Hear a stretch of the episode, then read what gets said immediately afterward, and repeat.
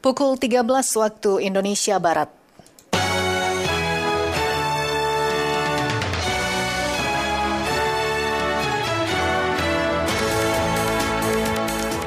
Dari Medan Merdeka Barat 45 Jakarta, inilah Radio Republik Indonesia dengan Warta Berita.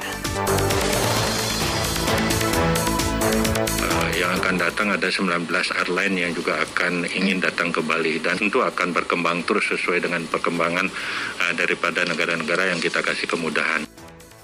Ben mereka yang mudik nyaman ya kita harus booster. Jadi kampanye kita seperti itu. Nek sedulur-sedulurmu teko wis do booster kowe ora booster kan ya. Tidak kamu harus gitu. Capaian kita sampai saat ini 11,5 persen dari total sasaran. Sari Berita, Kunjungan pelaku perjalanan luar negeri ke Bali mencapai hampir 15.000 orang pasca relaksasi kebijakan masuk Bali. Pemerintah Kabupaten Klaten terus berupaya meningkatkan capaian vaksinasi booster. Wakil Sekretaris Pers Gedung Putih terinfeksi COVID-19 saat melakukan perjalanan tugas ke Eropa. Pendengar inilah warta berita selengkapnya hari ini, Senin 28 Maret 2022 bersama saya Luna Elia.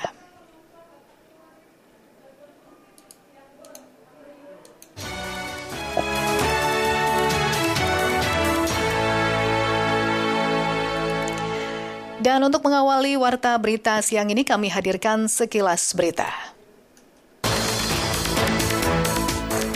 Kementerian Perindustrian memastikan stok minyak goreng aman selama Ramadan setelah saat ini minyak goreng curah sedang didistribusikan secara bertahap.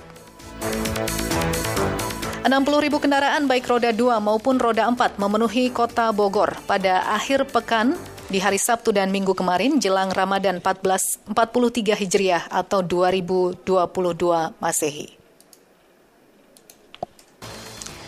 Berdasarkan data terakhir hari Minggu 27 Maret 2022 kemarin, 13 ribu lebih lansia atau setara 60,70 persen dari target telah menerima vaksin dosis lengkap.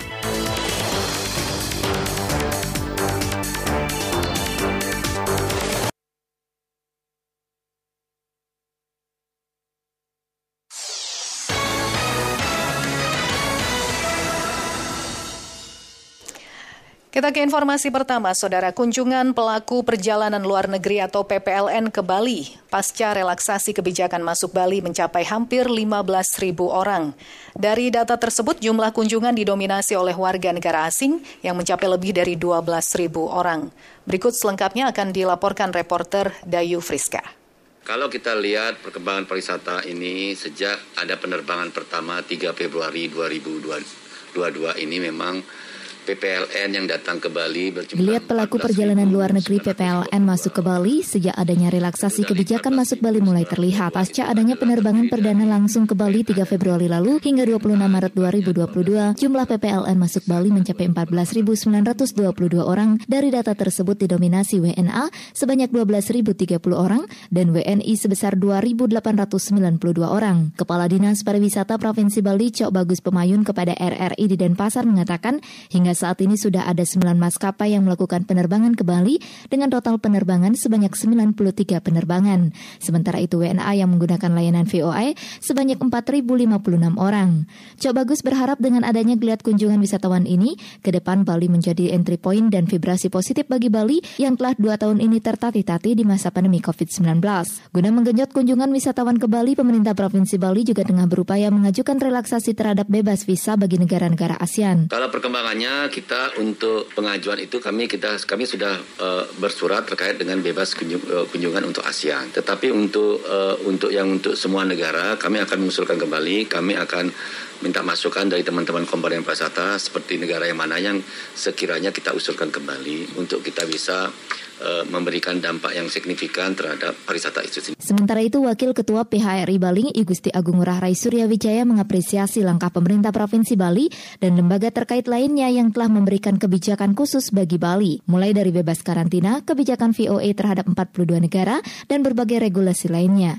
Ia mengatakan kemudahan regulasi ini memberikan dampak yang positif bagi perkembangan sektor pariwisata Bali, bahkan Bali mulai mendapatkan bookingan dari berbagai negara yang akan berlibur ke Bali pada bulan April April hingga Agustus mendatang. Apalagi yang terkonfirmasi uh, yang akan datang ada 19 airline yang juga akan ingin datang ke Bali dan tentu akan berkembang terus sesuai dengan perkembangan uh, daripada negara-negara yang kita kasih kemudahan. Itu yang terjadi. Nah, booking-bookingan juga sudah mulai khususnya dari Australia ya. Sudah banyak yang saya chat dari member PRI sudah mulai khususnya bulan April, Mei, Juni, Juli Agustus ini yang akan mulai akan membaik. Rai Surya Wijaya mengatakan saat ini tingkat hunian hotel di Bali mencapai 20 hingga 25 persen. Hal ini disinyalir akan semakin bertambah seiring dengan kemudahan kebijakan pemerintah. Dengan demikian, sektor pariwisata Bali mulai menggeliat tidak saja di Nusa Dua, namun juga hingga wilayah kabupaten kota lainnya.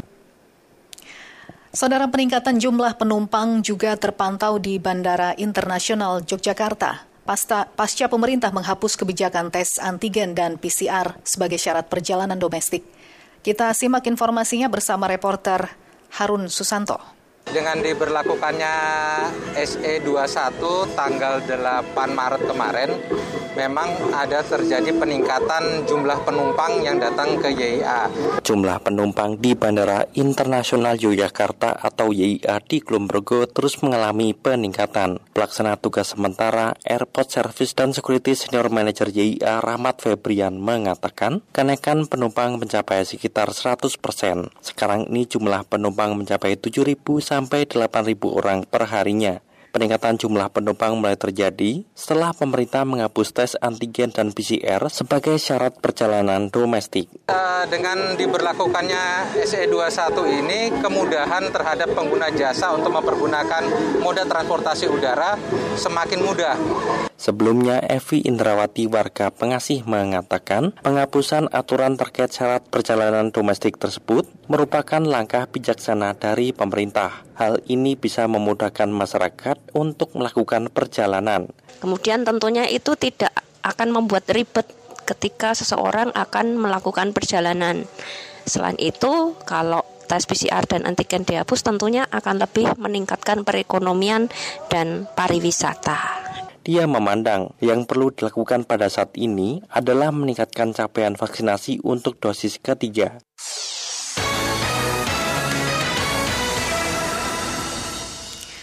Kita ke informasi berikutnya. Pemerintah Kabupaten Klaten, Jawa Tengah akan terus meningkatkan capaian vaksinasi booster melalui berbagai kegiatan. Hal itu karena saat ini capaian vaksin booster masih rendah, yaitu masih berada di angka 11 persen. Berikut laporannya disampaikan Adam Sutanto dari RRI Surakarta. Delalahnya persyaratan-persyaratan itu juga mewajibkannya dua kali dah. Nah, hmm. sehingga kan booster bukan menjadi syarat wajib, ya itulah yang harus kita kita anu kreasikan di dalam masyarakat. Pemerintah Kabupaten Klaten akan terus meningkatkan capaian vaksinasi booster melalui berbagai kegiatan. Sekarang ini capaian vaksin booster di wilayah ini masih berkisar 11,5 persen. Sekretaris Dinas Kesehatan Kabupaten Klaten Anggit Budiarto kepada wartawan mengatakan sasaran masih diprioritaskan untuk para lansia. Oleh karena itu, sosialisasi terhadap vaksinasi ketiga itu akan terus dilakukan, termasuk menyambut para pemudik nantinya.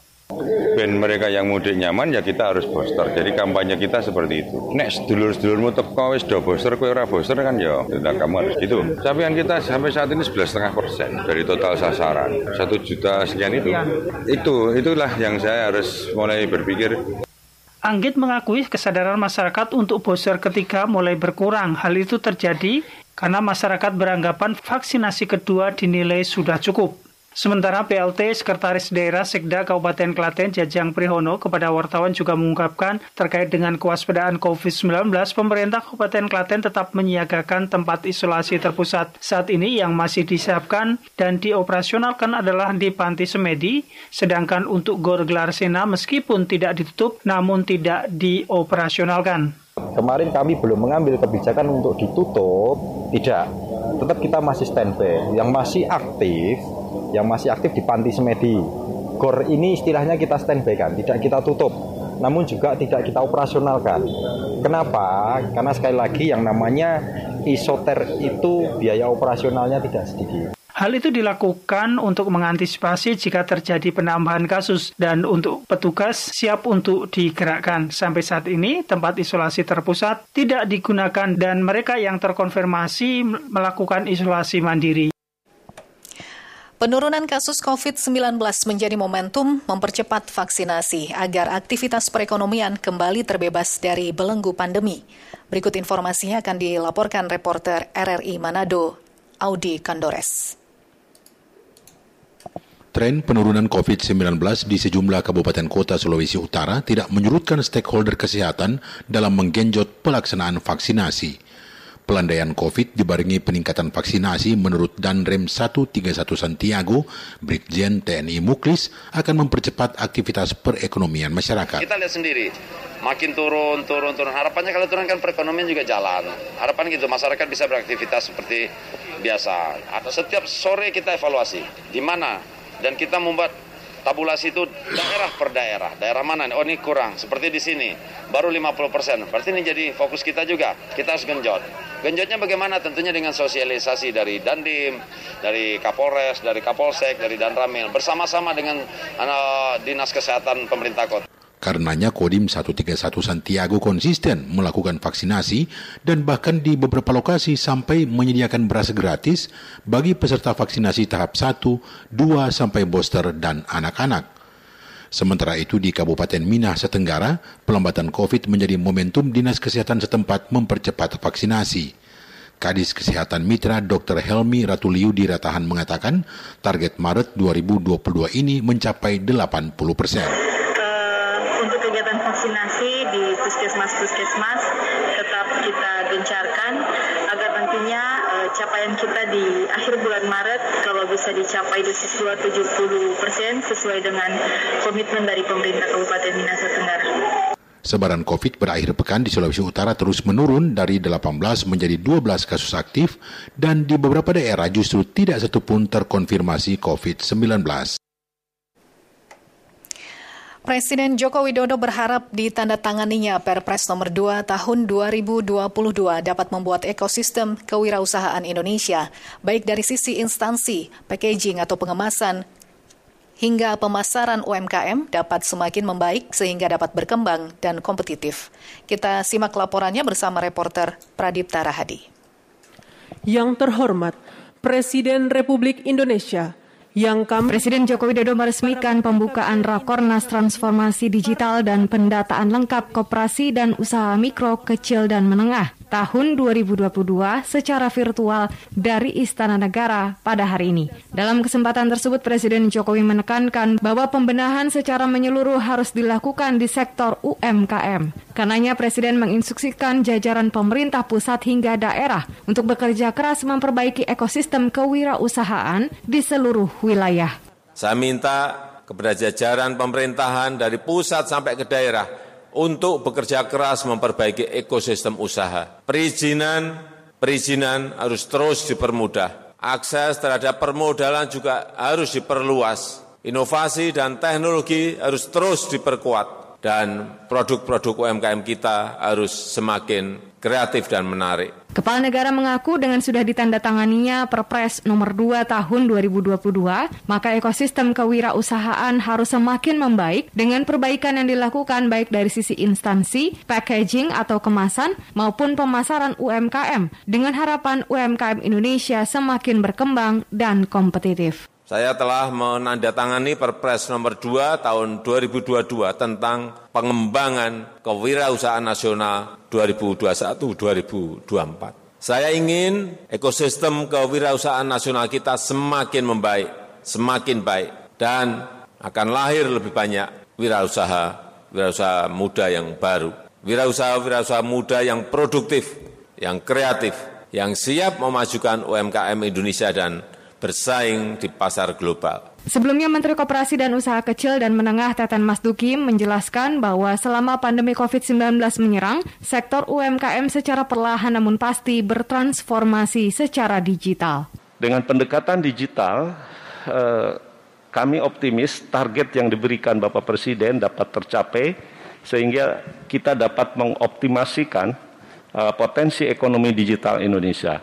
Menkop Teten juga menyebut bahwa presidensi G20 Indonesia menjadi momentum untuk mengangkat ekonomi lokal dan pelaku UMKM. Teten mengatakan bahwa pelaku UMKM juga dapat melakukan promosi atau memperjualbelikan produk mereka melalui media digital dengan cara membuat QR code sehingga pangsa pasar UMKM mereka lebih luas dan tentunya memicu pertumbuhan ekonomi nasional.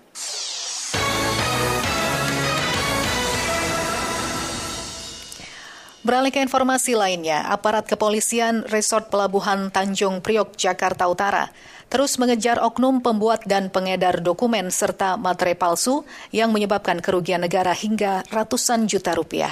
Kita akan simak informasinya bersama reporter Rian Suryadi. Polres Pelabuhan Tanjung Priuk mengungkap pemalsuan dokumen dan materai yang menyebabkan kerugian negara hingga ratusan juta rupiah.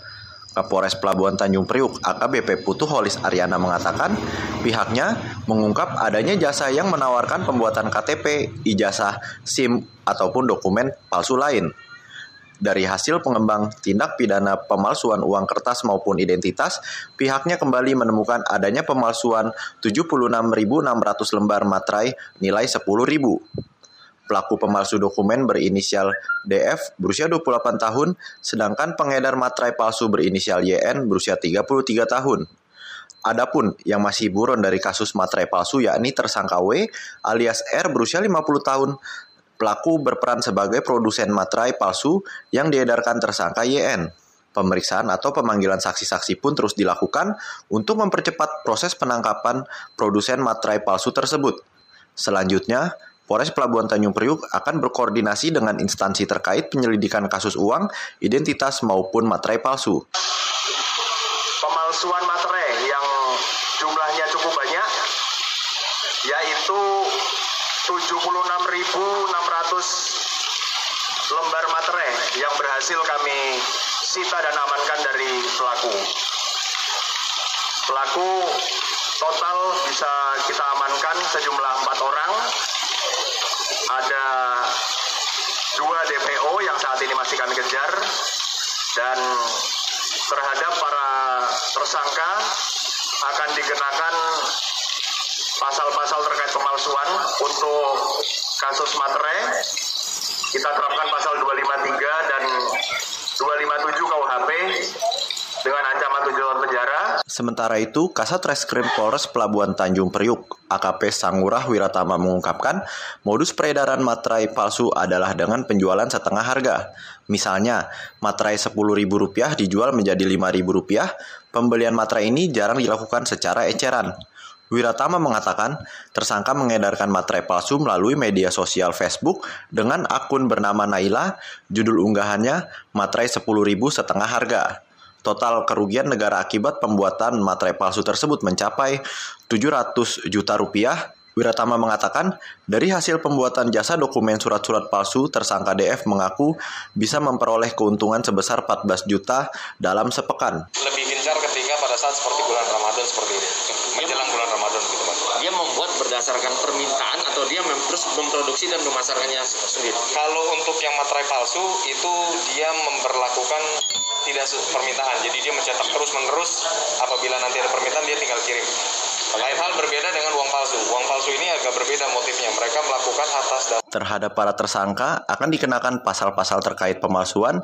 Terkait kasus pemalsuan materai, polisi akan menerapkan pasal 253 dan 257 KUH pidana dengan ancaman 7 tahun penjara. Kemudian, pelaku pemalsu dokumen identitas palsu akan dijerat dengan pasal 263 KUH pidana dengan ancaman hukuman 6 tahun penjara.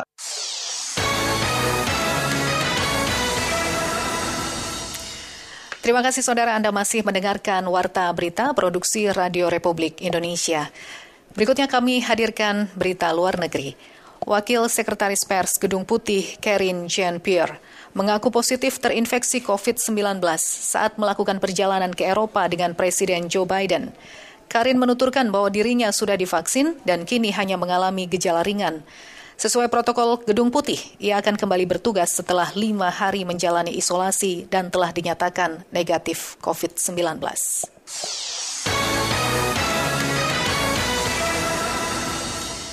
Kedutaan Besar Republik Indonesia KBRI Tokyo akhir pekan lalu mempromosikan budaya dan kuliner Bali melalui demo masak sambal matah dalam event Indonesia Day Wonderful Travel Culture and Culinary Experience yang berlangsung di Wisma Duta Kompleks KBRI Tokyo. Menurut Duta Besar RI untuk Jepang, Federasi Mikronesia, Heri Ahmadi, Kegiatan itu dilakukan untuk lebih memperkuat citra Bali sebagai destinasi wisata favorit warga Jepang karena setelah dua tahun terakhir, maksud kami, karena setelah dua tahun lebih tidur karena pandemi, saat ini dunia pariwisata Indonesia khususnya Bali kembali menggeliat, utamanya saat ini ketika pemerintah mengeluarkan kebijakan bagi turis Jepang dapat masuk ke Bali menggunakan visa kunjungan saat kedatangan atau VOA tanpa karantina.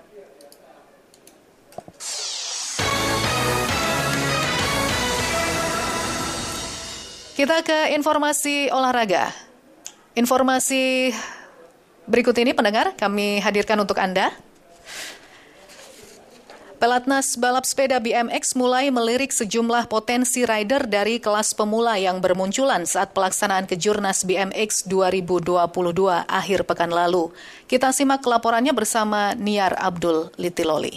Pertama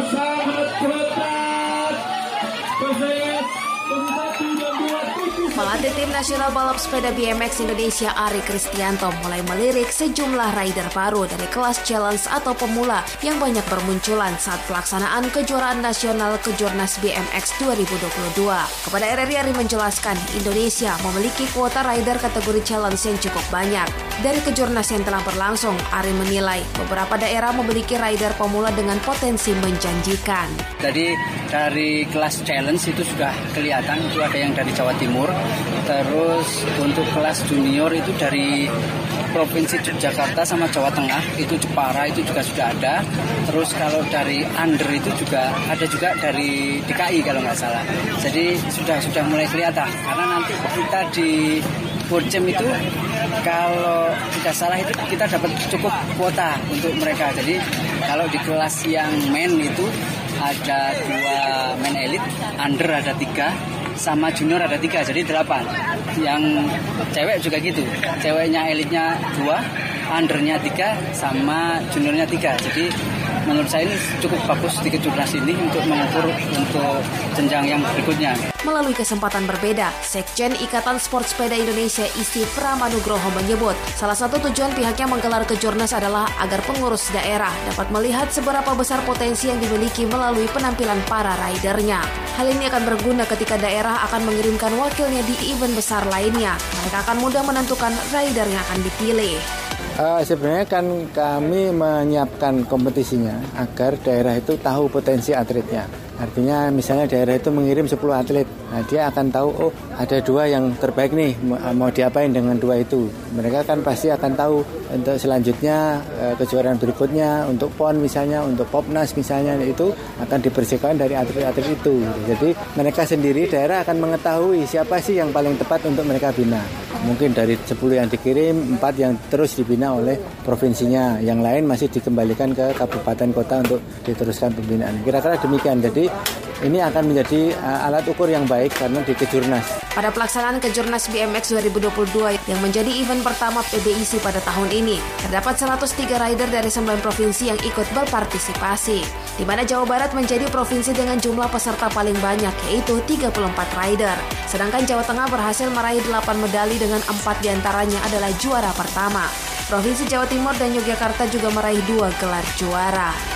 Dari Jakarta, Nia Abdul Tiloli, Pro 3 RRI.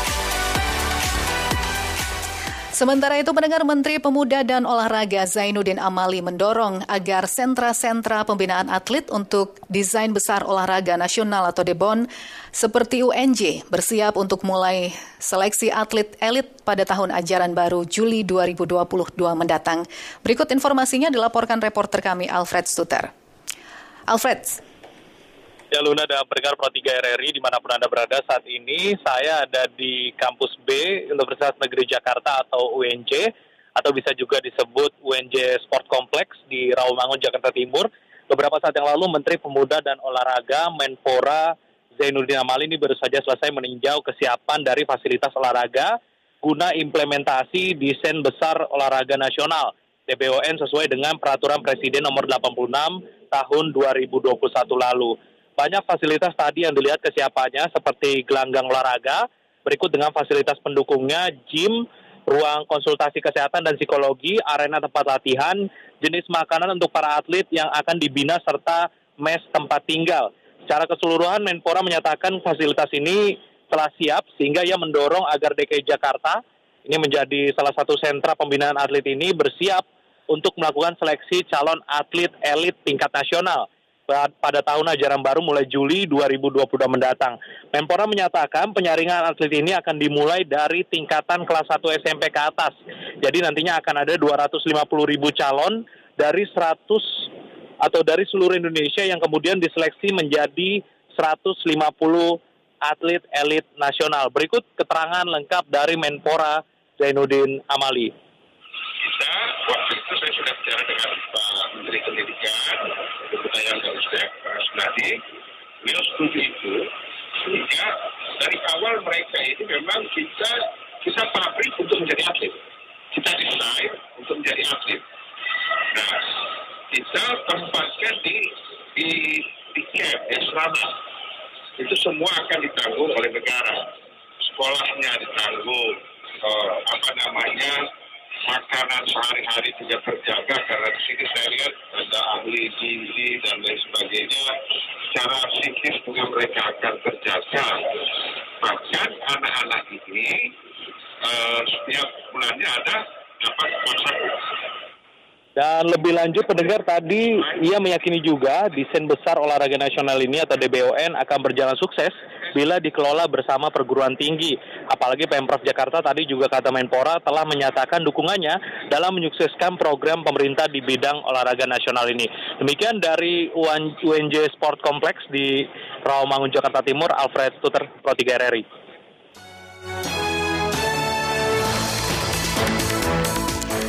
Pendengar demikianlah warta berita program 3 Radio Republik Indonesia. Kami harap Anda tetap bersama kami untuk menyimak informasi aktual lain dalam program Indonesia Menyapa. Anda bisa juga mendapatkan informasi aktual lainnya dalam portal resmi kami rri.co.id serta ikuti media sosial terverifikasi kami di Instagram dan Twitter at RRI Programa 3. Saya Luna Elia, mewakili kerabat kerja yang bertugas. Selamat siang.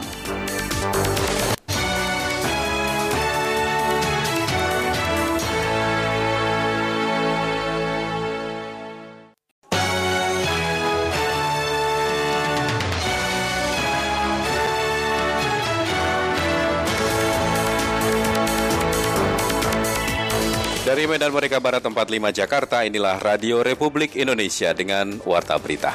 Untuk vaksinasi, vaksinasi satu sudah 91 persen. Dosis dua insya Allah sebelum puasa ya, insya Allah bisa mencapai 70 persen. Intensive dialogue now has been uh, continue been done by the government including dialog intensif antara pemerintah dan pihak swasta terus dilakukan untuk meningkatkan peluang di sektor infrastruktur. We also discussed the presidency of the G20 and told them how proud we are. Kami berbicara seputar presidensi G20 Indonesia dan betapa bangganya kami atas capaian Indonesia itu. Kami ke sini juga ingin memberi dukungan dengan segala cara untuk mensukseskan presidensi ini. Sari berita, jumlah anak yang telah mendapatkan vaksin dosis pertama di Aceh mencapai 73,68 persen. Pihak swasta didukung untuk berpartisipasi pada proyek-proyek infrastruktur Indonesia. Islamic Development Bank mendukung presidensi Indonesia di G20. Inilah warta berita selengkapnya Senin 28 Maret 2022 bersama saya M. Subhan.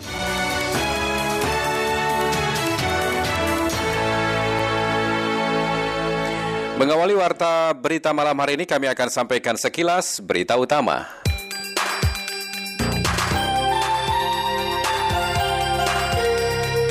Berdasarkan hasil pemantauan di beberapa pasar tradisional, Wakil Menteri Perdagangan Jerry Sambuaga memastikan stok kebutuhan pokok dalam kondisi aman, utamanya jelang Ramadan.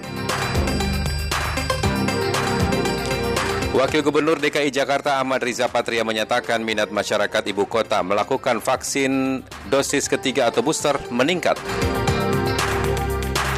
Kementerian Kelautan dan Perikanan KKP melakukan penegakan hukum terukur terhadap 51 kapal ikan asing maupun kapal ikan lokal yang terindikasi melakukan pencurian dan perusakan ekosistem laut di enam wilayah pengolahan perikanan negara Republik Indonesia.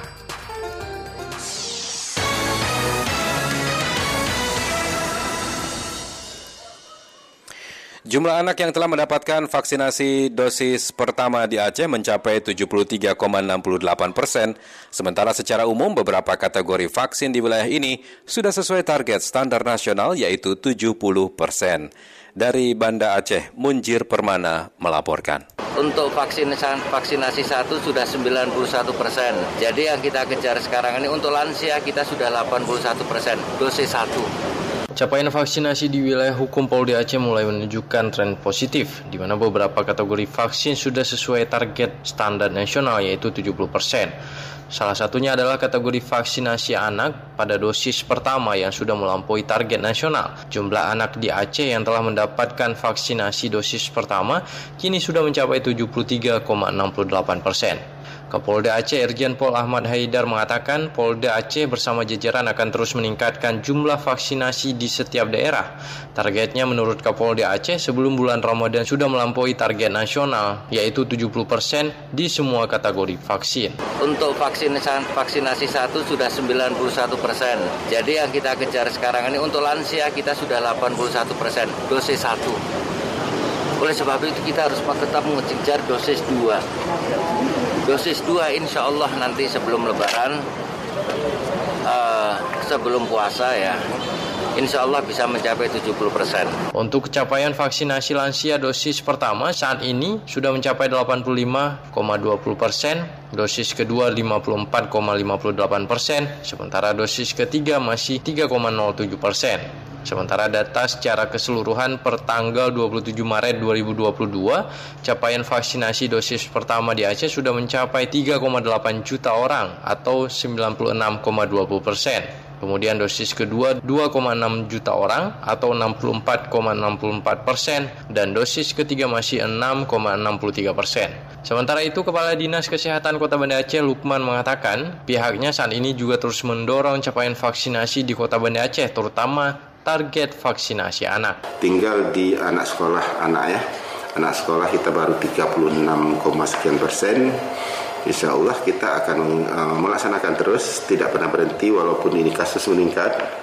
Di sambil penanganan kasus, sambil kita tingkatkan vaksinasi. Hari ini di setiap puskesmas setiap hari itu buka vaksinasi. Dalam meningkatkan capaian vaksinasi di Kota Banda Aceh, seluruh gerai vaksin dan puskesmas masih melayani masyarakat untuk mendapatkan vaksinasi dosis pertama, kedua, dan ketiga. Kepolisian Resort Palu berupaya menyediakan akses vaksinasi khususnya vaksinasi booster bagi masyarakat yang menjadi salah satu syarat mudik lebaran Idul Fitri 1443 Hijriah tahun ini. Laporan Iketut Wiranata masyarakat yang ingin booster itu bisa datang langsung ke PKM atau juga bisa datang ke gerai-gerai yang diselenggarakan kerjasama dengan Polsek. Menjelang pelaksanaan bulan suci Ramadan dan mudik lebaran Hari Raya Idul Fitri 1443 Hijriah, pemerintah kembali mengeluarkan kebijakan terkait syarat mudik. Bagi masyarakat yang sudah melakukan vaksinasi lengkap, yakni vaksinasi 1, 2, dan 3 atau vaksinasi booster, tidak perlu menunjukkan tes antigen atau PCR negatif. Kapolres Palu AKBP Bayu Indrawi Guno SIK MIK kepada RRI mengatakan pelaksanaan program vaksinasi di wilayah Kota Palu masih terus berjalan termasuk vaksinasi booster.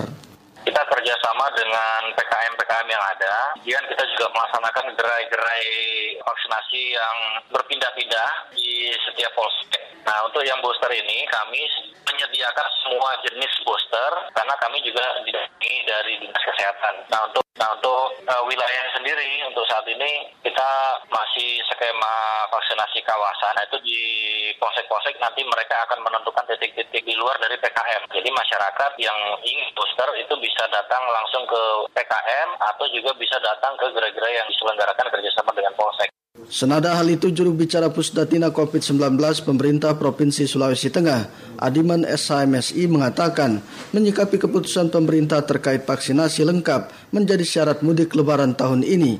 Menurutnya selama ini pemerintah Provinsi Sulawesi Tengah terus menggalakkan vaksinasi, termasuk vaksinasi dosis ketiga atau booster. Selama ini kan pemerintah provinsi sudah menggalakkan terkait dengan pelaksanaan vaksinasi vaksinasi pertama atau vaksinasi lengkap. Berarti sudah termasuk booster itu vaksinasi lengkap itu. Jadi kita bersyukur TNI Polri sudah membantu kita untuk meningkatkan vaksinasi lengkap ini. Disinggung terkait progres capaian vaksinasi di Sulawesi Tengah Adiman menjelaskan untuk vaksinasi dosis 1 dan 2 sudah cukup tinggi, bahkan melampaui target capaian nasional.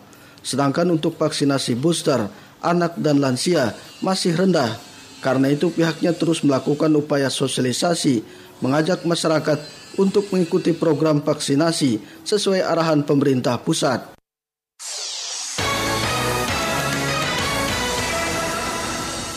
Terima kasih Anda masih mendengarkan Warta Berita Produksi Radio Republik Indonesia. Menteri Keuangan Sri Mulyani Indrawati mendukung pihak swasta berpartisipasi menanamkan modalnya di proyek-proyek infrastruktur karena menurutnya Indonesia masih membutuhkan banyak investasi guna mendukung pencapaian target pembangunan berkelanjutan dan pertumbuhan ekonomi yang inklusif. Magdalena Krisnawati melaporkan.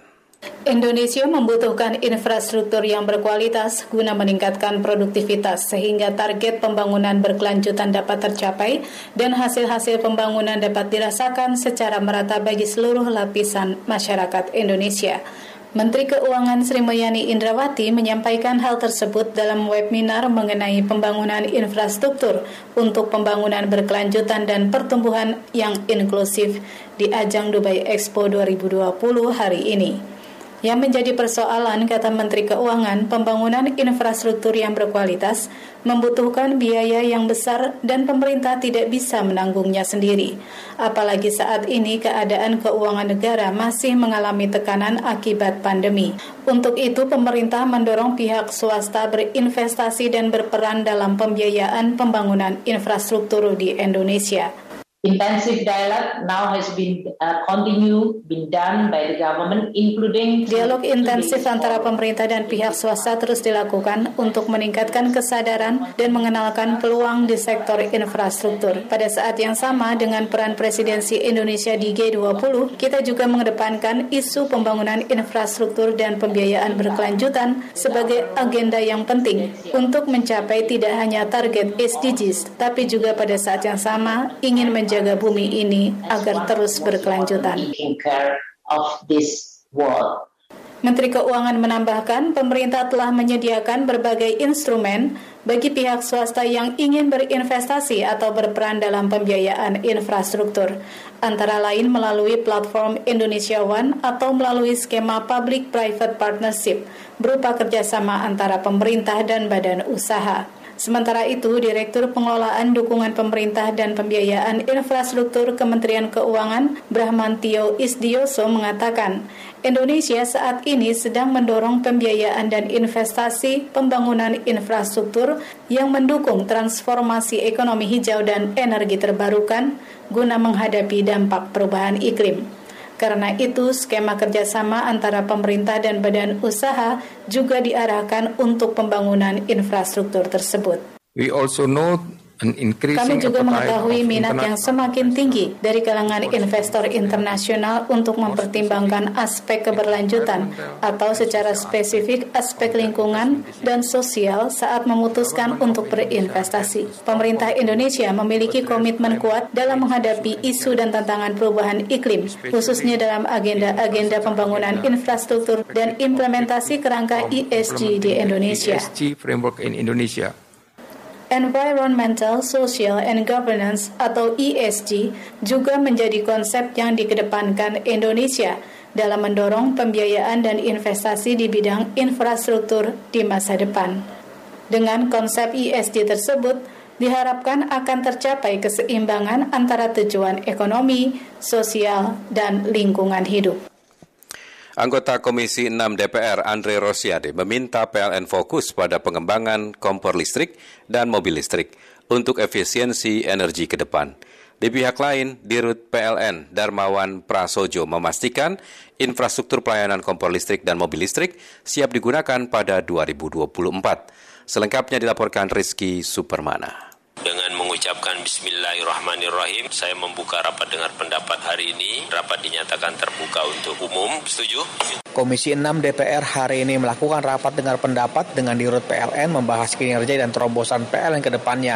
Anggota Komisi 6 DPR, Andre Rosiade meminta PLN untuk fokus persiapan kapasitas penggunaan kompor listrik di tahun 2022. Politisi dari fraksi Gerindra ini menyebut efisiensi penggunaan kompor listrik lebih hemat 60 triliun rupiah dibandingkan gas LPG yang diimpor. Ia juga meminta PLN mempersiapkan infrastruktur untuk pelayanan mobil listrik. Saya minta PLN untuk fokus bagaimana kompor listrik ini bisa diwujudkan, Pak. Kenapa kompor listrik diwujudkan? Karena akan ada efisiensi 60 triliun. Kita bisa menghemat cadangan devisa kita 60 triliun. Saya minta tahun 2022 ini ini fokusnya Pak Darmo. Ya, LPG ini sekarang langka, harga mahal. Hal senada dikatakan anggota Komisi 6 DPR Nusron Wahid yang mendorong PLN mendata jumlah rumah tangga yang akan menggunakan kompor listrik. Politisi dari fraksi Golkar ini berharap impor LPG dapat ditekan dengan dengan kompor listrik. Supaya ini cepat teratasi kita butuh berapa persen jumlah rumah tangga Indonesia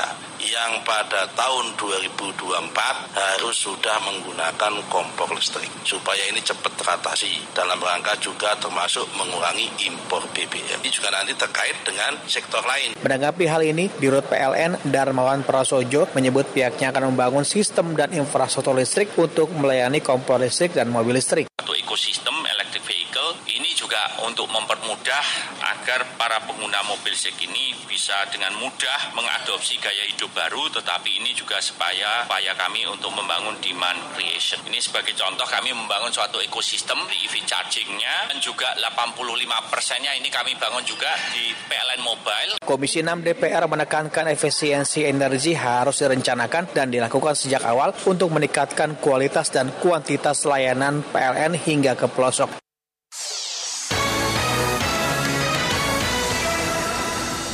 Informasi lainnya, pendengar, penyidik Komisi Pemberantasan Korupsi KPK terus mendalami bukti dugaan tindak pidana pencucian uang atau TPPU yang dilakukan mantan wali kota Bekasi, Jawa Barat berinisial RE. Hari ini penyidik KPK telah memeriksa enam orang saksi yang berasal dari aparatur sipil negara atau ASN serta pihak keluarga. Laporan Hairul Umam. Pak, Pak, di mana Pak? Itu tas duit semua, bukan? Pak, PPN buat masyarakat Bekasi. Bekasi Pak, dikit aja Pak. Gimana Pak? Dikit aja Pak. Apa yang mau disampaikan Pak? Jalan dulu. Masyarakat Bekasi gimana? Komisi Pemberantasan Korupsi telah rampung memeriksa enam orang saksi dalam kasus suap pengadaan barang dan jasa serta lelang jabatan di Pemkot Bekasi.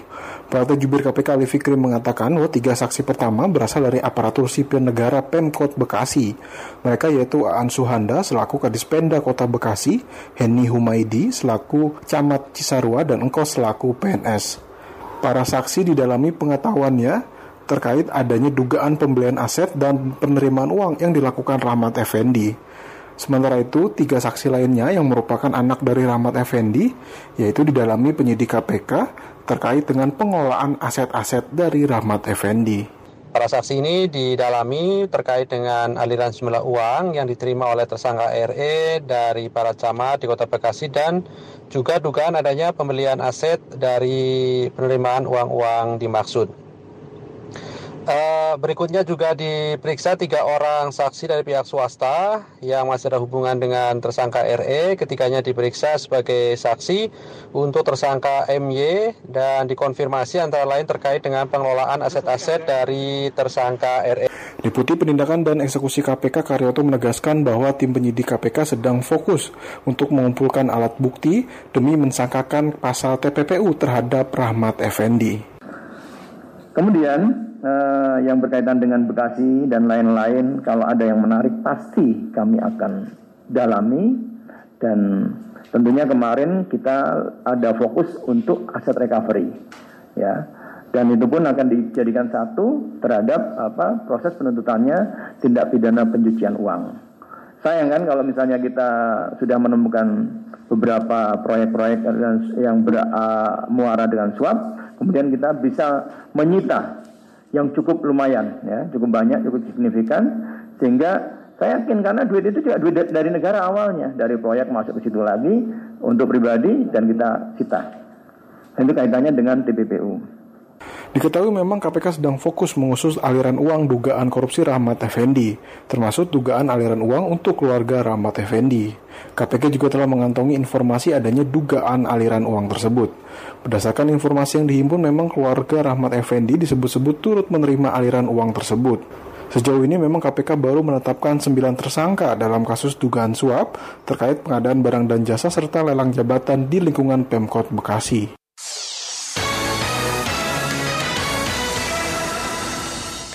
Dari luar negeri, Islamic Development Bank atau Bank Pembangunan Islam menyatakan dukungannya terhadap presidensi Indonesia di G20 tahun ini. Hal itu disampaikan Presiden Islamic Development Bank Muhammad Al-Jasir usai bertemu Presiden Joko Widodo di Istana Merdeka hari ini. Laporan Pradipta Rahadi. Thank you for the opportunity. Wonderful... Presiden Joko Widodo menerima kunjungan Presiden Islamic Development Bank Muhammad Al Jasser bersama delegasi di Istana Merdeka Jakarta pada hari ini. Dalam pertemuan tersebut, Presiden Al Jasser menyampaikan dukungannya terhadap presidensi G20 Indonesia. Berbagai bentuk dukungan mereka upayakan demi kesuksesan presidensi G20 Indonesia. We also discussed the presidency of the G20 kami berbicara seputar presidensi G20 Indonesia dan kami sampaikan betapa bangganya kami atas capaian Indonesia itu. Kami ke sini juga ingin memberi dukungan dengan segala cara untuk mensukseskan presidensi ini, terlepas dari berbagai tantangan yang dihadapi. That are facing the presidency a wonderful meeting Really... Dalam kesempatan tersebut, Menteri Keuangan Sri Mulyani Indrawati mengatakan pertemuan antara Presiden Joko Widodo dengan Presiden Islamic Development Bank Muhammad Al Jasser Selain berbicara mengenai dukungan presidensi G20 Indonesia, juga membahas kerjasama dalam sejumlah program prioritas pembangunan Indonesia. Menurut Sri Mulyani, banyak prioritas pembangunan yang disusun dalam kerangka kerjasama antara Islamic Development Bank dengan Indonesia yang mencakup berbagai bidang. Eh, banyak prioritas pembangunan yang sekarang sedang disusun dari sisi kerangka kerjasama antara Islamic Development Bank dengan uh, Indonesia melalui country partnership yang akan mencakup uh, program-program prioritas pembangunan Indonesia terutama di bidang uh, pertama masalah pendidikan. Uh, Islamic Development Bank banyak sekali memberikan pembangunan kampus-kampus universitas di Indonesia. Juga di bidang kesehatan selama pandemi ini Islamic Development Bank juga mendukung di dalam pengadaan uh, vaksin dan juga dalam uh, penanganan pandemi juga di bidang infrastruktur termasuk dalam hal ini untuk renewable energy atau sustainable finance. Untuk diketahui dalam pertemuan antara Presiden Jokowi dan Presiden Al-Jazer dilakukan pembahasan mengenai tiga isu pembangunan prioritas, yaitu pendidikan, kesehatan, dan infrastruktur. Presiden Joko Widodo saat menerima Presiden Islamic Development Bank didampingi oleh Menteri Keuangan Sri Mulyani, Sekretaris Kabinet Pramono Anung, dan Kepala Badan Pengelola Keuangan Haji Anggito Abimanyu. Konsul Jenderal Republik Indonesia di Osaka, Diana Sutikno bersama Gubernur Prefektur Kagawa, Keizo Hamada, akhir pekan lalu meresmikan fasilitas komersial untuk mempromosikan produk kopi dan coklat Indonesia di Prefektur Kagawa, Jepang yang diberi nama Sunside Field Kagawa.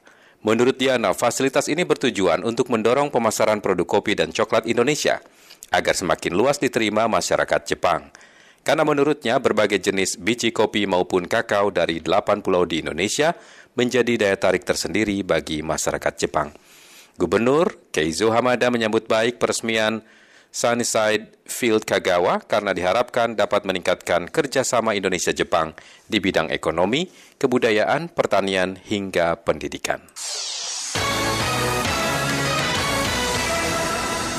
Dari dunia olahraga, Kementerian Pemuda dan Olahraga masih menyusun kriteria dan syarat teknis atlet untuk mengikuti tahapan seleksi perekrutan dalam desain besar olahraga nasional atau DBON yang rencananya berlangsung pada bulan Juli mendatang. Laporan Alfred Stutter. Uh, kunjungan saya ke beberapa Menteri Pemuda dan Olahraga Zainuddin Amali mengatakan seleksi atlet untuk desain besar olahraga nasional DBON akan berlangsung mulai Juli 2022 mendatang. Untuk menyukseskannya, kini pihaknya tengah menyusun kriteria dan syarat teknis perekrutan para atlet. Ia memastikan penyaringan akan berjalan ketat sehingga tidak ada lagi istilah masuk dengan mudah karena titipan atau dekat dengan orang tertentu. Hal ini diungkapkannya ketika meninjau langsung kesiapan salah satu sentra olahraga DBON di Universitas Negeri Jakarta UNJ Sport Complex hari ini. Kemudian yang kedua, eh, sekarang sedang dipersiapkan terutama eh, syarat-syarat secara teknisnya. Jadi rekrutnya belum, kalau itu sudah kami segera umumkan, tetapi masyarakat kan sudah sudah banyak yang tahu. Pada kesempatan yang sama, Rektor UNJ Komarudin mengaku mendukung penuh Kemenpora dalam menerapkan dan mengimplementasikan Perpres nomor 86 tahun 2021 tentang DBON. Ia berharap pelaksanaan dan seleksi nanti berjalan dengan sukses. Sangat berbahagia dikunjungi oleh Pak Menteri untuk melihat sarana prasarana dan kesiapan SDM kami di dalam mendukung Kemenpora menerapkan, mengimplementasikan desain besar olahraga nasional. UNJ Sport Complex memiliki banyak fasilitas olahraga seperti gelanggang olahraga dan asrama untuk menampung para atlet. GOR tersebut memiliki tiga lantai. Di lantai satu terdapat lahan parkir, lab fisioterapi, ruang kelas atau multimedia. Kemudian lantai dua merupakan area ball games, terdapat lapangan basket, futsal, bulu tangkis, gym, dan lainnya. Lalu lantai tiga berisi tribun dengan kapasitas seribu orang dan ruang serbaguna yang bisa digunakan untuk ruang pertemuan dan seminar. Tim verifikasi PSSI melakukan peninjauan kesiapan dan kelayakan Stadion Gelora Bangkalan Madura, Jawa Timur untuk lokasi latihan putaran final sepak bola Piala Dunia U20 yang akan diselenggarakan tahun 2023 mendatang di Indonesia. Miftahul Umar melaporkan. Karena tentu ada perbaikan beberapa area lapangan untuk kualitasnya harus lebih baik. Untuk lagi. memastikan kesiapan dan kelayakan Stadion Gelora Bangkalan sebagai venue latihan Piala Dunia U20 yang akan diselenggarakan tahun 2023 mendatang, tim verifikasi PSSI melakukan peninjauan langsung. Head Infrastruktur Safety and Security PSSI Adi Nugroho mengatakan ada beberapa pemeriksaan yang ada di dalam checklist pengumpulan data untuk lapangan, sehingga pihaknya perlu memastikan kondisi stadion agar layak digunakan untuk tempat latihan U20 mendatang. Ia menambahkan, salah satunya pengecekan yang dilakukan fasilitas ruang ganti, peralatan dan perawatan rumput area tribun, serta lampu yang digunakan untuk penerangan di lapangan karena masih digunakan untuk ini nanti depannya tentu ada juga perbaikan beberapa area lapangan tentu kualitasnya harus lebih baik lagi lalu sarana di dalam ada perapian-perapian dan pembersihan U20 lebih lanjut, ia menjelaskan, dari hasil pengecekan terdapat beberapa fasilitas yang perlu dibenahi. Di antaranya perlu adanya peningkatan pada kualitas lapangan, fasilitas tribun, kamar ganti, dan lapangan harus steril untuk kegiatan umum.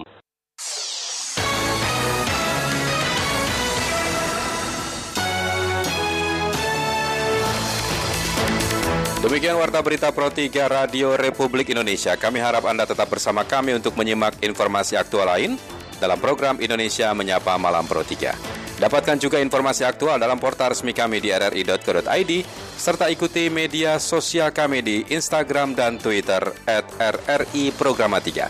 Saya M. Subhan, selamat malam. Pukul 7 waktu Indonesia Barat.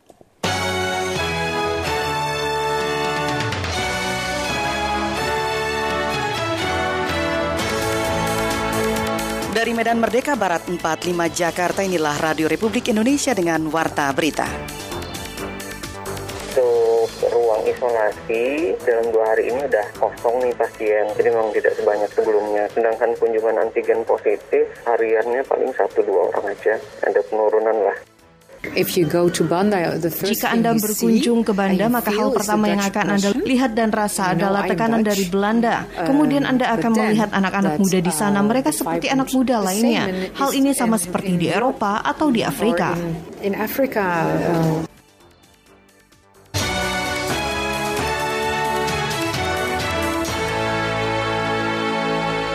Sari Berita, Sejumlah pasien yang sebelumnya terkonfirmasi COVID-19 sudah dipulangkan dan menjalani isoman secara keseluruhan menunjukkan kasus COVID-19 dan variannya sudah melandai dan normal. melihat Banda melalui pameran fotografer Belanda. Ketua Umum PSSI Muhammad Iriawan meminta tim nasional U19 menjaga fokus usai mencatatkan kemenangan perdana pada laga uji coba di Korea Selatan. Inilah warta berita selengkapnya Senin 28 Maret 2022 bersama saya Esti Sulistia.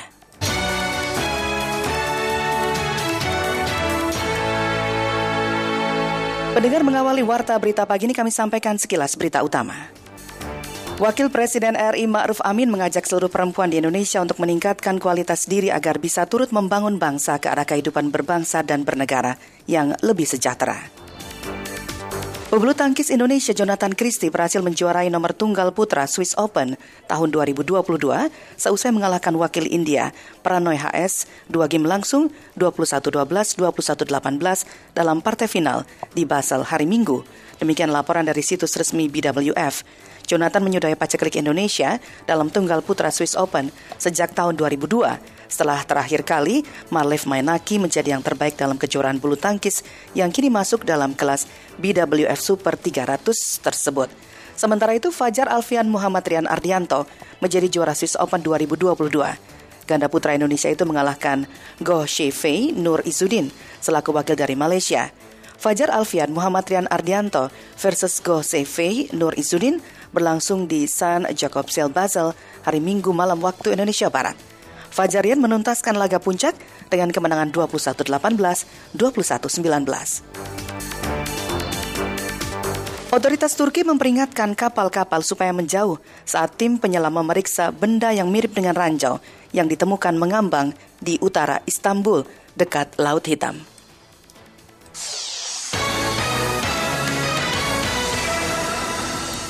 Humas RSUD Palangkaraya Hendra Panguntau menyebut sejumlah pasien yang sebelumnya terkonfirmasi COVID-19 sudah dipulangkan dan menjalani isoman secara keseluruhan menunjukkan kasus COVID-19 dan variannya sudah melandai dan normal.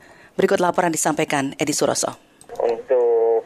Isolasi dalam dua hari ini udah kosong nih pasien. Humas RSUD Palangkaraya Dr. Hendra Pangontaun menyebut kasus COVID-19 dalam sebulan terakhir menunjukkan penurunan ditandai dengan tidak ada lagi pasien yang dirawat inap di ruang isolasi. Hendra mengakui melandainya kasus COVID-19 tidak terlepas dari kesadaran masyarakat untuk mengikuti program vaksinasi yang mana target khususnya di Palangkaraya dosis 1 dan 2 sudah melampaui target 70% lebih. Dan saat ini Pemko Palangkaraya gencar menganjurkan masyarakat mengikuti vaksinasi booster sebagai syarat mutlak mudik saat lebaran. Oh, memang ada penurunan kasus sejauh ini untuk ruang isolasi. Dalam dua hari ini udah kosong nih pasien. Jadi memang tidak sebanyak sebelumnya. Sedangkan kunjungan antigen positif hariannya paling satu dua orang aja. Ada penurunan lah harapan kita kan mendekati puasa dan hari raya nanti terutama kasusnya makin turun. Jadi sesudah dua tahun tidak bisa merayakan lebaran dengan kondisi seperti biasanya ya mudahan lebaran kali ini kita bisa merayakannya seperti minimal mendekati sebelum musim covid lah.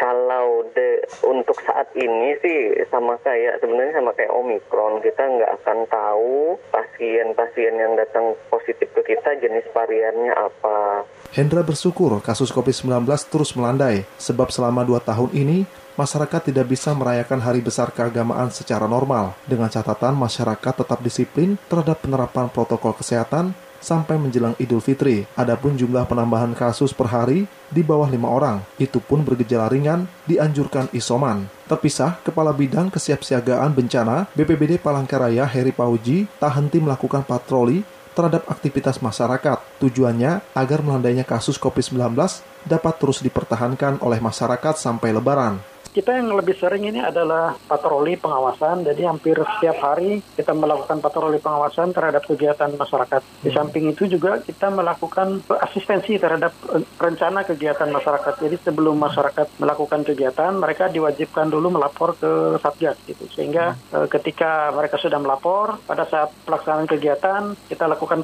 patroli ke lokasi yang mereka tempat mereka melaksanakan kegiatan tersebut. Selain itu, pihaknya juga kerap melakukan pengawasan terhadap kegiatan yang berpotensi menimbulkan kerumunan. Sebelum menggelar acara, masyarakat dianjurkan memenuhi syarat prokes, antara lain menyediakan masker, tandon pencucian tangan, dan kapasitas tempat duduk 50%. Ia menyebut selama melakukan razia, Satgas mencatat ada sekitar 500 lebih pelanggar prokes, sebagian membayar denda, dan sebagian lainnya dikenakan sanksi sosial, salah satunya menyapu jalan. Edi Suroso melaporkan.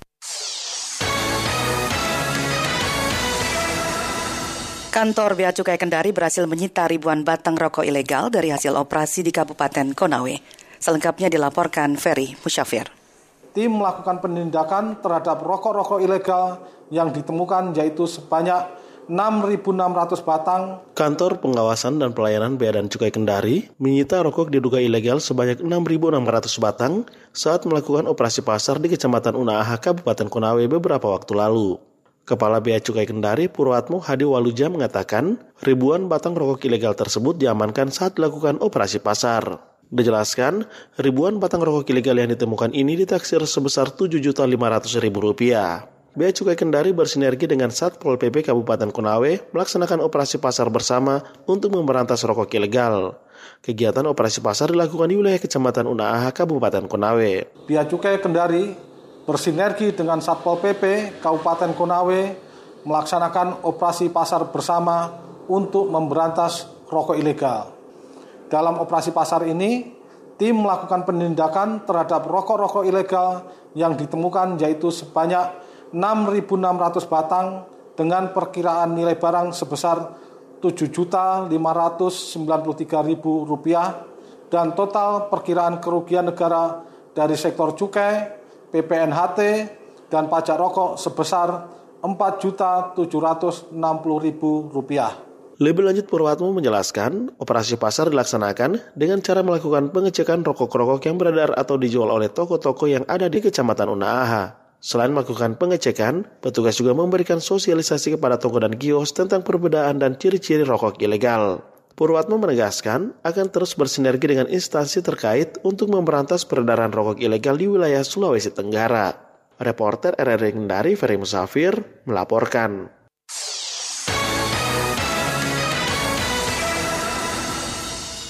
Dinas Pendidikan Kabupaten Cirebon pada awal Mei 2022 mulai melakukan penggabungan atau merger sekolah dasar negeri. Laporan disampaikan Yulianti merger sekolah itu kepala sekolahnya udah pensiun. Dinas Pendidikan Disdik Kabupaten Cirebon melalui peraturan Bupati Perbub telah mengelompokkan sebanyak 200 lebih sekolah dasar negeri yang akan digabungkan atau merger mulai awal bulan Mei 2022. Terdata jumlah SD negeri di Kabupaten Cirebon sebanyak 920 sekolah dan akan menjadi 600 sekolah setelah di merger. Kepala Bidang SD Disdik Kabupaten Cirebon Heri Purnama menjelaskan, penggabungan SD ini menjadi langkah yang dalam mensikapi banyaknya kekosongan jabatan kepala sekolah di Kabupaten Cirebon. Jadi program merger ini merupakan langkah-langkah cepat untuk kita laksanakan itu sehingga nanti di akhir Desember banyak sekali kepala sekolah yang pensiun maka tidak menjadi halangan karena ketika di merger sekolah itu kepala sekolahnya udah pensiun ini tidak menyakiti atau tidak menzolimi kepala sekolah yang ada.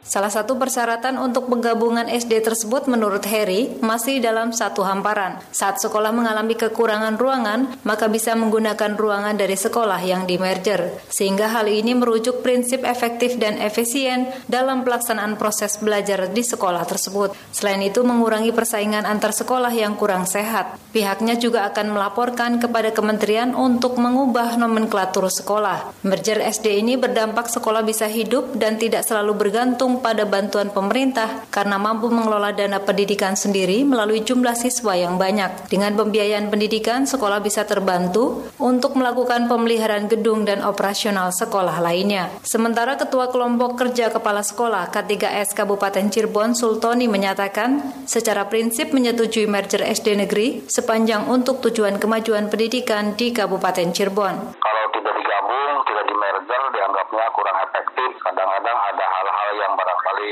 negatif, ada ketimpangan lah antara SD 1 sama SD 2 yang berdekatan terutama yang satu hamparan. Ia berharap program merger ini berjalan dengan baik sesuai dengan ketentuan aturan yang berlaku guna efektivitas proses belajar mengajar di sekolah. Terima kasih Anda masih mendengarkan Warta Berita Produksi Radio Republik Indonesia. Konvergensi dan penguatan data menjadi jalur yang dipilih pemerintah untuk menanggulangi stunting di Indonesia, di mana pemerintah menargetkan penurunan tingkat prevalensi stunting di bawah 14 persen pada tahun 2024. Berikut informasinya, kami hadirkan dalam sesi laporan khusus Pro 3 bersama Niar Abdul. Laporan khusus. Laporan khusus.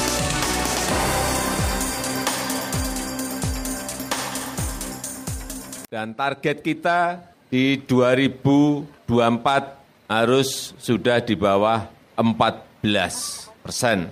Saya sangat senang. Presiden Joko Widodo dalam kunjungan kerjanya di Provinsi Nusa Tenggara Timur pada Kamis 24 Maret menyatakan bahwa pemerintah Indonesia menargetkan angka prevalensi stunting pada tahun 2024 adalah di bawah 14 persen. Pernyataan Presiden ini disampaikan saat meninjau pelaksanaan program percepatan penurunan stunting oleh Badan Kependudukan dan Keluarga Berencana Nasional BKKBN di Kabupaten Timur Tengah Selatan, Provinsi Nusa Tenggara Timur. Kabupaten Timur Tengah Selatan merupakan kabupaten di Indonesia yang memiliki angka prevalensi stunting tertinggi. Kepala Dinas Kesehatan NTT, Dr. Meserasi Ataupah dalam dialognya bersama Pro 3 RRI menyebut, ada sejumlah hal yang menjadi penyebab mengapa angka prevalensi stunting di Kabupaten Timur Tengah Selatan menjadi yang tertinggi. Ini menurut catatan EPPGM, suatu eh, berbasis masyarakat, jadi ini dari 20,9 dari 22 ya memang kita tahu persis karena COVID membuat semua keadaan kita menjadi sangat terpuruk dari semua sisi sehingga ya, sedikit kenaikan tapi dari perkiraan kami sebelumnya ada sedikit kenaikan sekitar 23 tapi 24 ya kita berhasil uh, kerja keras dari teman-teman di semua daerah kabupaten maupun kota yang ada di NTT itu 22 uh, sistem pengukuran kita kemudian sistem pendampingan kita ya jadi teman-teman sudah mengatur itu dengan baik sehingga uh, mulai bulan depan kita akan mulai pendampingan. Meski menjadi daerah yang memiliki angka prevalensi stunting tertinggi, namun Meserasi mengungkapkan pihaknya telah menempuh sejumlah cara untuk menurunkan angka ini. Penanganan stunting ini kan sifatnya tidak bisa dari kesehatan sendirian karena uh, ada masalah akses makanan, masalah uh, suhu dan lain-lain uh, menjadi penyebab utama dari stunting. Namun kita tidak bisa kemudian saling menyalahkan untuk hal demikian. Jadi kita sudah bersama Bapeda, bersama BKKBN. Sekarang ini memang koordinasi lapangan itu akan dikoordinasi oleh BKKBN yang perencanaannya oleh uh, Bapeda. Namun kami dari kesehatan selalu bersama-sama dengan teman-teman lintas sektor untuk menangani stunting. Jadi Bupati, Wali Kota sudah bersepakat untuk ya kita melakukan pendampingan secara lebih detail lagi untuk menurunkan angka stunting yang ada di NTT. Melalui kesempatan yang sama, Kepala BKKBN Dr. Hasto Wardoyo menjelaskan, Presiden melalui Perpres yang telah diterbitkan pada Agustus 2021 telah menyampaikan langkah apa yang dapat menjadi pedoman pemerintah di daerah untuk menanggulangi ancaman stunting. Uh, Presiden mengeluarkan peraturan Presiden ya nomor 72 tahun 2021 bulan Agustus kemarin dan dari aturan itu kemudian mengamanahkan untuk kita ini bisa melakukan komitmen dalam arti meningkatkan komitmen para pemimpin di daerah dari pusat sampai daerah antar kementerian lembaga dan juga antar uh, stakeholder di lapangan. Arahan beliau kan konvergensi, mengerucutkan semua peran serta sektor-sektor terkait menuju kepada stunting. Nah, mengerucutkan ini kemudian tentu dimaknai sebagai sesuatu yang katakanlah lebih fokus ya. Kemudian yang kedua, arahan Bapak Presiden tentu data itu penting. Jadi bahwa bagaimana kita bisa memetakan data sampai pada tingkat by name address seperti yang disampaikan Pak Kepala Dinas tadi.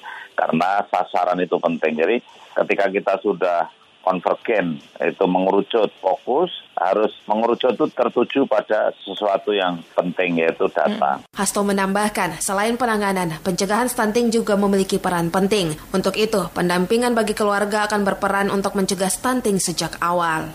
Itu pencegahan itu penting. Jadi kita jangan terfokus hanya pada anak yang stunting. Tetapi Pak Presiden juga kemudian menggarisbawahi apa yang sudah kita lakukan yaitu mereka-mereka yang mau hamil, mereka-mereka yang menikah. Jadi ini kan penting. Jadi di NTT ini kan banyak sekali masih kelahiran dan persalinan ya. Karena total fertility rate-nya masih cukup tinggi. Bahkan di TPS itu total fertility rate-nya bisa mencapai 3,3 4 ya. Artinya setiap perempuan tuh masih melahirkan dengan jumlah anak yang lebih besar.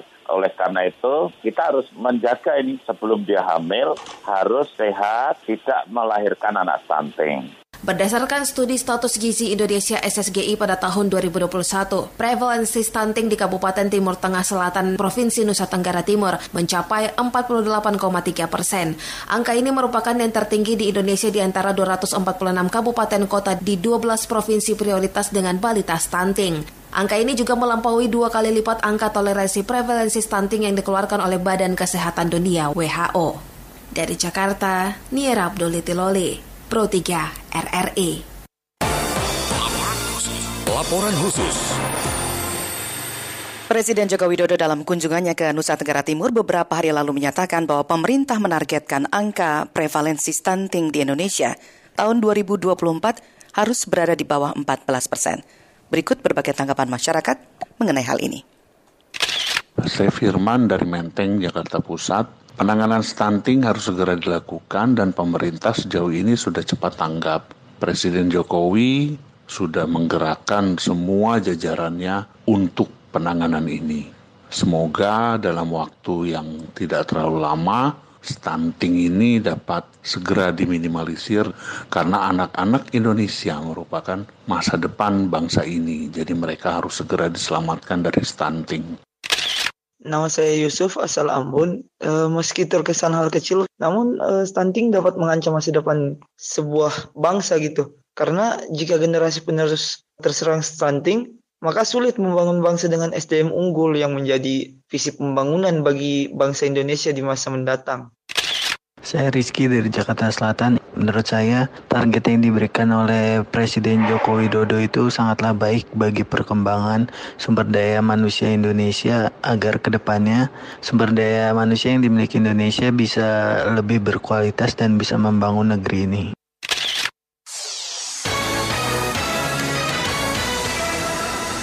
Komentar RRI pagi ini menyoroti tentang pemerintah yang menargetkan penurunan angka prevalensi stunting di Indonesia di bawah 14 persen pada tahun 2024. Naskah disusun oleh Eliani Ratnaningsih dan Bambang Duyana, dibacakan oleh Tomo Hakim.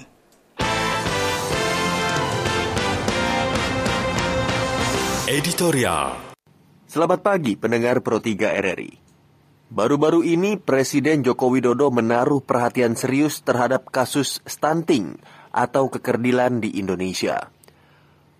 Kondisi di mana tinggi badan anak di bawah rata-rata yang diakibatkan karena kekurangan gizi masih menjadi problem serius sejumlah negara berkembang termasuk Indonesia.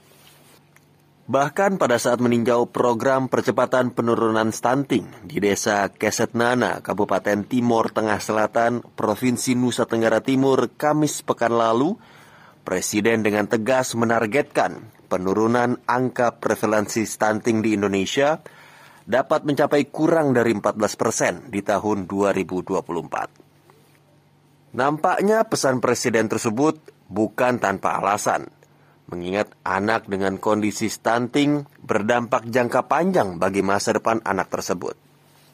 Kekurangan gizi pada anak akan mempengaruhi pertumbuhan hingga kondisi kesehatan anak tersebut sampai usia dewasa. Guru Besar Departemen Ilmu Kesehatan Anak, Fakultas Kedokteran Universitas Indonesia, Profesor Dr. Dr. Rini Skartini SPAK mengatakan, Selain disebabkan kurangnya asupan gizi dalam waktu lama, stunting juga bisa disebabkan karena terhambatnya pertumbuhan janin saat masih dalam kandungan ibu saat hamil. Studi Status Gizi Indonesia atau SSGI tahun 2021 menyebutkan, angka kasus stunting di Indonesia mencapai 24,4 persen. Artinya, satu dari empat anak di Indonesia mengalami stunting. Untuk itu, sudah seharusnya jika pencegahan stunting dimulai dari sejak masih dalam kandungan dengan memperhatikan asupan makanan bernutrisi bagi ibu hamil.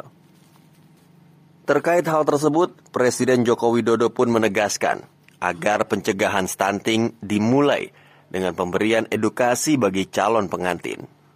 Kita patut memberi apresiasi kepada BKKBN sebagai ketua pelaksana program percepatan penurunan stunting sesuai peraturan Presiden nomor 72 tahun 2021 yang akan melakukan intervensi khusus pada provinsi yang angka stuntingnya tinggi maupun daerah dengan jumlah penduduk terbesar. Sejauh ini BKKBN telah melakukan berbagai upaya dan inisiatif untuk menurunkan prevalensi angka stunting di Indonesia.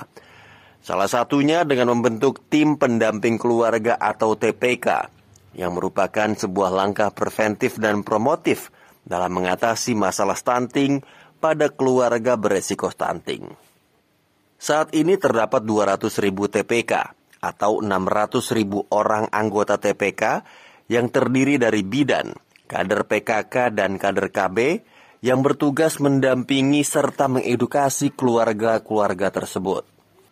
Tugas mulia ini tidak hanya dikerjakan oleh BKKBN, karena sejumlah sektor swasta pun berkomitmen mendukung upaya pencegahan stunting demi menciptakan sumber daya manusia SDM Indonesia yang unggul. Kita yakin, jika semakin banyak pihak mendukung upaya percepatan penurunan stunting, dengan memperhatikan perbaikan gizi setiap anak bangsa, maka target penurunan stunting dari tahun ke tahun akan dapat terwujud. Demi menjaga asupan makanan bergizi bagi setiap warga negara, pemerintah sudah seharusnya menjaga dinamika harga pangan sebagai sumber nutrisi sehingga tetap bisa terjangkau masyarakat. Selain itu, kiranya juga segera direalisasikan pemenuhan alat kesehatan, dan SDM yang diperlukan fasilitas layanan kesehatan tersebut untuk percepatan penurunan stunting. Artinya, harus ada langkah terpadu antara pemerintah dan masyarakat untuk mewujudkan penurunan stunting. Dengan memperhatikan asupan makanan setiap anak, maka akan menghasilkan SDM berkualitas. Kita juga perlu ingat kualitas SDM sangat menentukan maju tidaknya sebuah negara. Semoga target pemerintah untuk mempersiapkan SDM unggul dalam menyambut Indonesia Emas 2045 dapat terwujud. Sekian komentar, selamat pagi.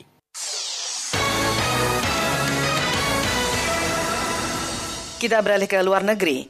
Melihat Banda melalui pameran fotografer Belanda, banyak cara digunakan untuk menyampaikan pesan dari tragedi maupun cerita di masa lalu kepada generasi muda. Informasi selengkapnya disampaikan Retno Madasari.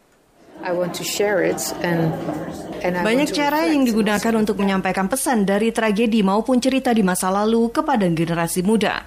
Seperti melalui jepretan kamera yang dilakukan oleh seorang fotografer asal Belanda, Isabel Bon, dengan latar belakang lokasi pengambilan foto di Kepulauan Banda, Kabupaten Maluku Tengah, Provinsi Maluku. Fotografer yang bekerja sama dengan Pusat Kebudayaan Belanda Erasmus House untuk penyelenggaraan pameran foto bertajuk I Love Banda ini menghabiskan waktu hingga lima tahun untuk untuk proyek fotografi di Kepulauan Banda yang dimulai pada 2015. Isabel mengungkapkan dirinya menyayangkan keberadaan Belanda di kepulauan itu di masa penjajahan yang tidak pernah didapatinya semasa di bangku sekolah. Sebetulnya ketika saya mendengar mengenai Banda pada 2014-2015 itu adalah kali pertama saya mempelajari dan mendengar tentang VOC maupun pembantaian di Banda. Dan saya tidak diajarkan di sekolah mengenai hal itu. Kemudian saya berpikir, kenapa kami tidak mengetahuinya? Sebagian besar objek foto Isabel adalah para pemuda di Kepulauan Banda dengan aktivitas keseharian mereka. Dijelaskan Isabel penting untuk menyampaikan kepada masyarakat luas, meski hidup di suatu pulau dengan cerita sejarah yang dramatis, namun para pemuda di Kepulauan Banda menjalankan kehidupan mereka selayaknya pemuda di belahan dunia lain. Jika Anda berkunjung ke Banda, maka hal pertama yang akan Anda lihat dan rasa adalah tekanan dari Belanda. Kemudian Anda akan melihat anak-anak muda di sana, mereka seperti anak muda lain lainnya. Hal ini sama seperti di Eropa atau di Afrika. Duta Besar Belanda di Jakarta, Lambert Grins, menilai dengan menghadirkan objek para pemuda Kepulauan Banda ke dalam karya foto, Isabel Bon menyampaikan pesan besar mengenai optimisme mereka. Itulah mengapa saya menyukai pameran ini, sebab ini merupakan paradoks dalam hal tertentu, bahwa anak-anak muda dengan orientasi masa depan, tapi dalam saat yang bersamaan hidup di pulau dengan beragam latar belakang sejarah yang dramatis. Tapi juga dalam pameran ini adanya kombinasi antara masa lalu lalu, masa sekarang, dan masa depan. Soraya, pengunjung pameran mengatakan, ratusan foto karya Isabel Bon seakan membawa dirinya kembali ke masa lalu yang lahir dan dibesarkan di Kepulauan Banda. Uh, saya bisa merasakan ya bagaimana girah anak muda di dalam foto-foto itu tentang Banda. Banda yang itu mewarnai hidup mereka sehari-hari dan mimpi-mimpi yang mereka bandun dari sejarah besar tentang Banda itu sendiri. Ratusan foto karya Isabel dipamerkan selama dua bulan di Erasmus House hingga 17 Juni dan dibuka untuk umum. Sementara sejarah mencatat, pembantaian di Banda pada 1621 di bawah komando Gubernur Jenderal VOC telah menewaskan 2.500 penduduk lokal dan mengakibatkan 1.700 warga Banda lainnya diperbudak oleh VOC. Ekspedisi ke Banda dilancarkan Belanda yang menuntut monopoli perdagangan pala dan fuli. Penaklukan Kepulauan Banda oleh Belanda dilancarkan VOC pada 1609 hingga 1621. Berita luar negeri, sebanyak 120 dari 132 korban pesawat China Eastern Airlines yang jatuh di daerah otonomi Guangxi berhasil diidentifikasi pada hari Sabtu. Ke 120 korban yang berhasil diidentifikasi itu terdiri dari 114 penumpang dan 6 awak. Pesawat Boeing 737-800 dengan nomor penerbangan MU 5735 itu jatuh secara vertikal dari ketinggian hampir 9.000 meter dalam perjalanan dari Kunming, Provinsi Yunnan, ke Guangzhou, Provinsi Guangdong, mengangkut 123 penumpang dan 9 awak.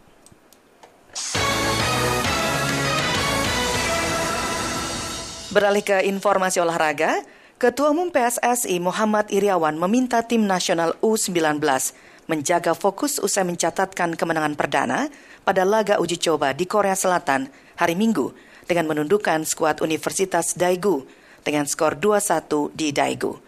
Laga timnas U19 melawan Universitas Daegu berlangsung dalam tiga babak, masing-masing berdurasi 40 menit. Babak pertama berakhir 0-0, lalu berikutnya Indonesia unggul berkat gol Kadek Arel dan mengunci kemenangan 2-1 pada paruh ketiga lewat gol Ronaldo Kuateh. Adapun pada dua laga persahabatan sebelumnya di Korea Selatan, Indonesia dikandaskan Universitas Yeongnam 1-5 dan Timnas U19 Korea Selatan 0-7.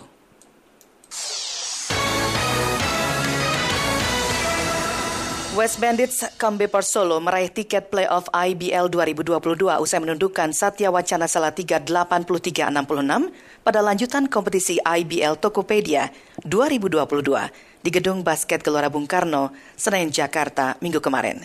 Samian Ayub Swin menjadi pencetak angka terbanyak bagi The Bandits dengan catatan 26 poin plus 8 rebound, 6 assist, dan 4 steal. Rio DC menambahkan dengan 10 poin. Di kubu Satya Wacana, Josu Davenport mencetak 21 angka dan 9 rebound. Alexander Franklin mengemas 17 poin dan Randy Prasetya menyumbang 10 angka.